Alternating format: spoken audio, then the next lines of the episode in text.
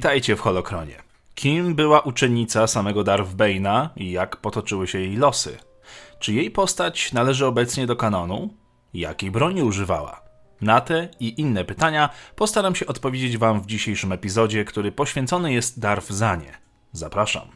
Otóż tak, Darth Zana zawitała w kanonie. Darth Bane od jakiegoś czasu już tam zresztą gości. O samej Zanie wiadomo niewiele. Po klęsce swego mistrza kontynuowała jego zasadę dwóch, co pozwoliło Sitom przetrwać w tajemnicy, podczas gdy Jedi fałszywie wierzyli, że Sithowie wymarli.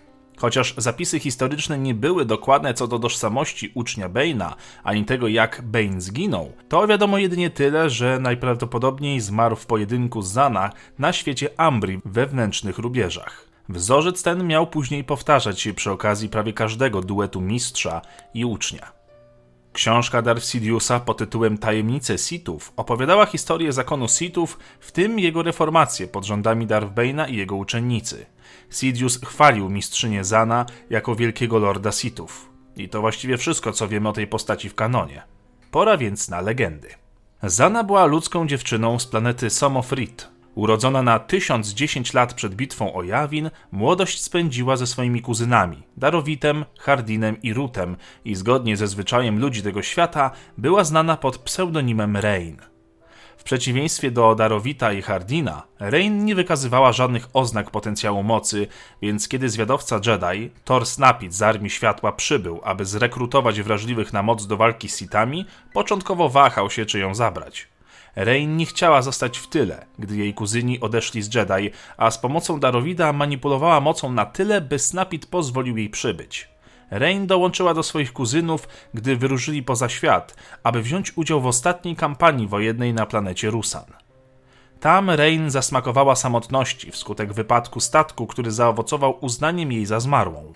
Znowu napotkanym przyjacielem starała się przeżyć i stanąć na nogi. A wtedy zaatakowali Sithowie. Burza zniszczenia, jaką wywołali Sithowi, była śmiercionośna, jednak Rain w sytuacji zagrożenia odkryła w sobie wielki potencjał mocy, który pozwolił jej przeżyć. Była przekonana, że zostanie Jedi, jednak La, wspomniana towarzyszka Rain, przepowiedziała jej mroczną przyszłość. Miała stać się ciemnym Jedi, albo czymś jeszcze gorszym. Dziewczyna chciała powstrzymać przepowiednie i podjęła się nieudanej próby samobójczej. Od tego momentu postanowiła, że jej los jest tylko i wyłącznie zależny od niej, nie zaś od przepowiedni. Nie mogła jednak bardziej się mylić. Rusan był w zgliszczach. Po bractwie Sithów nie było co zbierać, Armia Światła zaś, a raczej to, co z niej zostało, zajmowała się eksterminowaniem bouncerów, rasy istot oszalałych z powodu zakłóceń w mocy, które nastąpiły na planecie i które wysyłały do każdego obrazy bólu i cierpienia. Jedną z tych istot była właśnie La, Mimo niebycia dotkniętą chorobą umysłu, dwóch wysłanników Jedi postanowiło ją zabić. I był to ich ostatni błąd w życiu. Rain, czy też właściwie już Zana, bo niewiele łączyło ją z jej rodzimą kulturą, użyła mocy i skręciła oprawcom kark. Oto i poczyniła pierwszy krok ku ciemności. Krok ten nie uszedł uwadze lordowi Sithów, który dokładnie zaplanował całą masakrę na Rusan. Darth Bane dostrzegł potencjał w młodej kobiecie, ona zaś nie miała przeszkolenia, ale miała za to potencjał i chęć do nauki. Nawet jeżeli była to nauka zakazana i pełna mroku. Od teraz byli prawie nierozłączni, mistrz i uczennica. Zana szybko nauczyła się od Bane'a, jak kierować mocą, by podtrzymywać i zwiększać jej zdolności fizyczne. Zanim jednak została przez niego oficjalnie zaakceptowana, została poddana ostatecznemu testowi. Musiała znaleźć własną drogę poza planetę i w ciągu 10 standardowych dni spotkać Bane'a na planecie Onderon. Test trudny i wymagający piekielnej zaradności od dziecka. Za nie jednak udało się. Dotarła na Onderon i została oficjalnie uczennicą Mrocznego Lorda. Jej prawdziwy trening właśnie się rozpoczął. Trening Zany odbywał się w świecie Ambrii. Prócz fizycznego trenowania, Bane pilnował, by Zana zrozumiała kluczową zasadę utrzymania tajemnicy, jaką było ich istnienie. Zakon Jedi nie mógł się nigdy o nich dowiedzieć. Musiała więc uczyć się sprytu i przebiegłości. W 996 roku szkolenie 14-letniej Zany poszerzyło się o studiowanie zwyczajów starożytnych Sithów. Nauczyła się manipulować mocą ciemnej strony poprzez zaklęcia Sithów, które Bane wydobył z holokronu Fridona Nada. O ile Bane nie miał smykałki do rytuałów, o tyle za nie nauka ich szła wyjątkowo łatwo. Mistrz ostrzegł przy tej okazji uczennicę, by nigdy nie próbowała użyć tych zaklęć przeciwko niemu. Niedługo potem Zana skonstruowała swój osobisty miecz świetlny o dwóch ostrzach. W 990 roku Zana stała się kimś więcej niż tylko uczennicą Sithów. Była teraz narzędziem woli Darth Bane'a. Ponieważ zbroja z orbalisków Czarnego Pana uniemożliwiała mu poruszanie się w miejscach publicznych, był zmuszony polegać na Zanie jako jego głównym środku kontaktu ze światem zewnętrznym. Aby kontynuować swój tajny plan Sithów, dorastająca kobieta była wysyłana na różne tajne misje, które miały na celu zmuszenie wrogów Sithów do otwartego konfliktu z Republiką Galaktyczną, na której przewagę liczył Darth Bane, aby wyeliminować zagrożenia. O wszystkich tych przygodach dowiecie się m.in. z książkowej trylogii Bane'a, która jest pozycją absolutnie obowiązkową dla fana Gwiezdnych Wojen. To jedna z najlepszych rzeczy, które spotkały legendy. Lata mijały, a potęga duetu powoli, lecz znacząco wzrastała. Podobnie jak ambicje mrocznej uczennicy. Zana dotarła do punktu, od którego nie było już odwrotu. Czas przejęcia władzy i zgładzenia swego słabszego mistrza. Ale czy na pewno słabszego? Zana należała do bohaterów trzeźwo myślących i wiedziała, że nie podoła wyzwaniu w pojedynkę. Dlatego łamiąc zasadę dwóch, wzięła ucznia na nauki, z którym zamierzała pokonać Mrocznego Lorda i zająć jego miejsce. Bane w tym czasie studiował holokron Darth Anedu, a konkretnie jego nauki o życiu wiecznym oraz możliwości przenoszenia życia na inne ciała. To pozwoliłoby mu uzyskać na czasie i znaleźć kolejnego ucznia, który zastąpiłby Zanę, która zaczynała się robić niezbyt wygodna i która w jego mniemaniu nie nadawała się jednak na jego zastępstwo. Oboje więc, w tajemnicy, zaczęli knuć przeciwko sobie, jak to Sithowie mają w zwyczaju. W końcu doszło do finalnego pojedynku.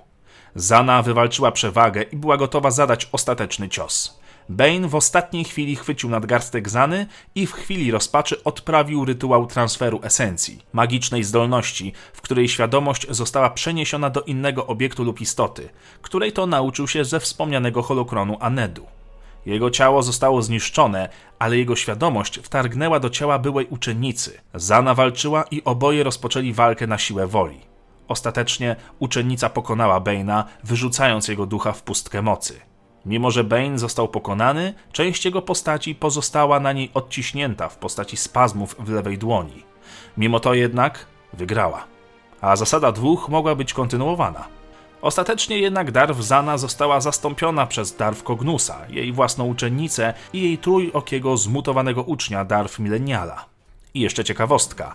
Wieki po opanowaniu Darwzany, jej unikalny dwuostrzowy miecz świetlny wszedł w posiadanie niejakiego Grievousa, który z czasem stał się generałem cyborgiem Konfederacji Niezależnych Systemów. Potem zaś miecz stał się własnością Kei Necrosisa, droida bojowego stworzonego ze szczątków zmarłego generała Grievousa. Darwzana była leworęcznym mistrzem walki mieczem świetlnym z Soresu jako główną techniką. Jej unikalna broń pozwalała jej bronić się w nieskończoność przed wrogami przy minimalnym wysiłku, przechodząc do ofensywy tylko wtedy, gdy jej przeciwnik był osłabiony lub sfrustrowany.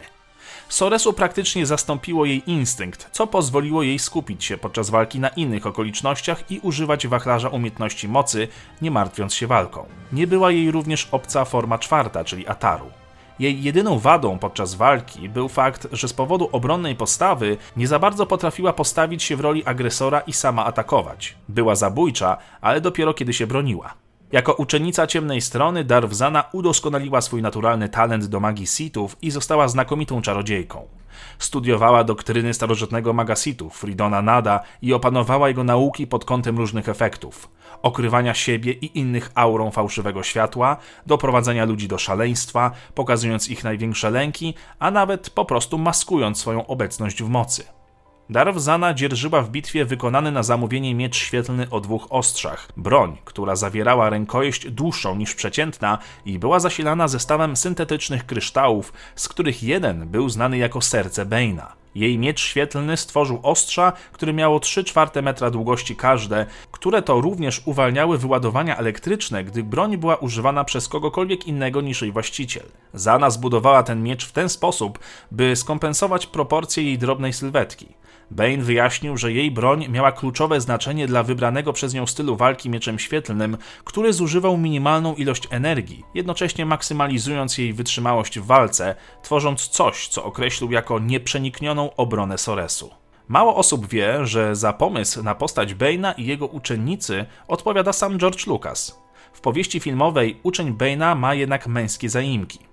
Potem postać trafiła w ręce innych autorów i nabrała swojego znanego nam dzisiaj charakteru i tożsamości. To zdecydowanie jedna z ciekawszych i lepiej napisanych postaci w uniwersum, podobnie jak Darth Bane. Jeżeli jeszcze nie czytaliście książek, to bardzo Was gorąco do tego zachęcam. Dziękuję za oglądanie. Zostawcie proszę komentarz, czy podobał Wam się odcinek i o czym chcecie kolejny. Wielkie podziękowania dla wszystkich patronów, którzy już od lat wspierają moją skromną serię na temat Gwiezdnych Wojen. Bez Was kanał już dawno popadłby w zapomnienie. I pamiętajcie, że potęga ciemnej strony mocy zawsze będzie z Wami. Odcinek powstał dzięki wsparciu następujących patronów. Dziękuję Wam i niech moc zawsze będzie z Wami.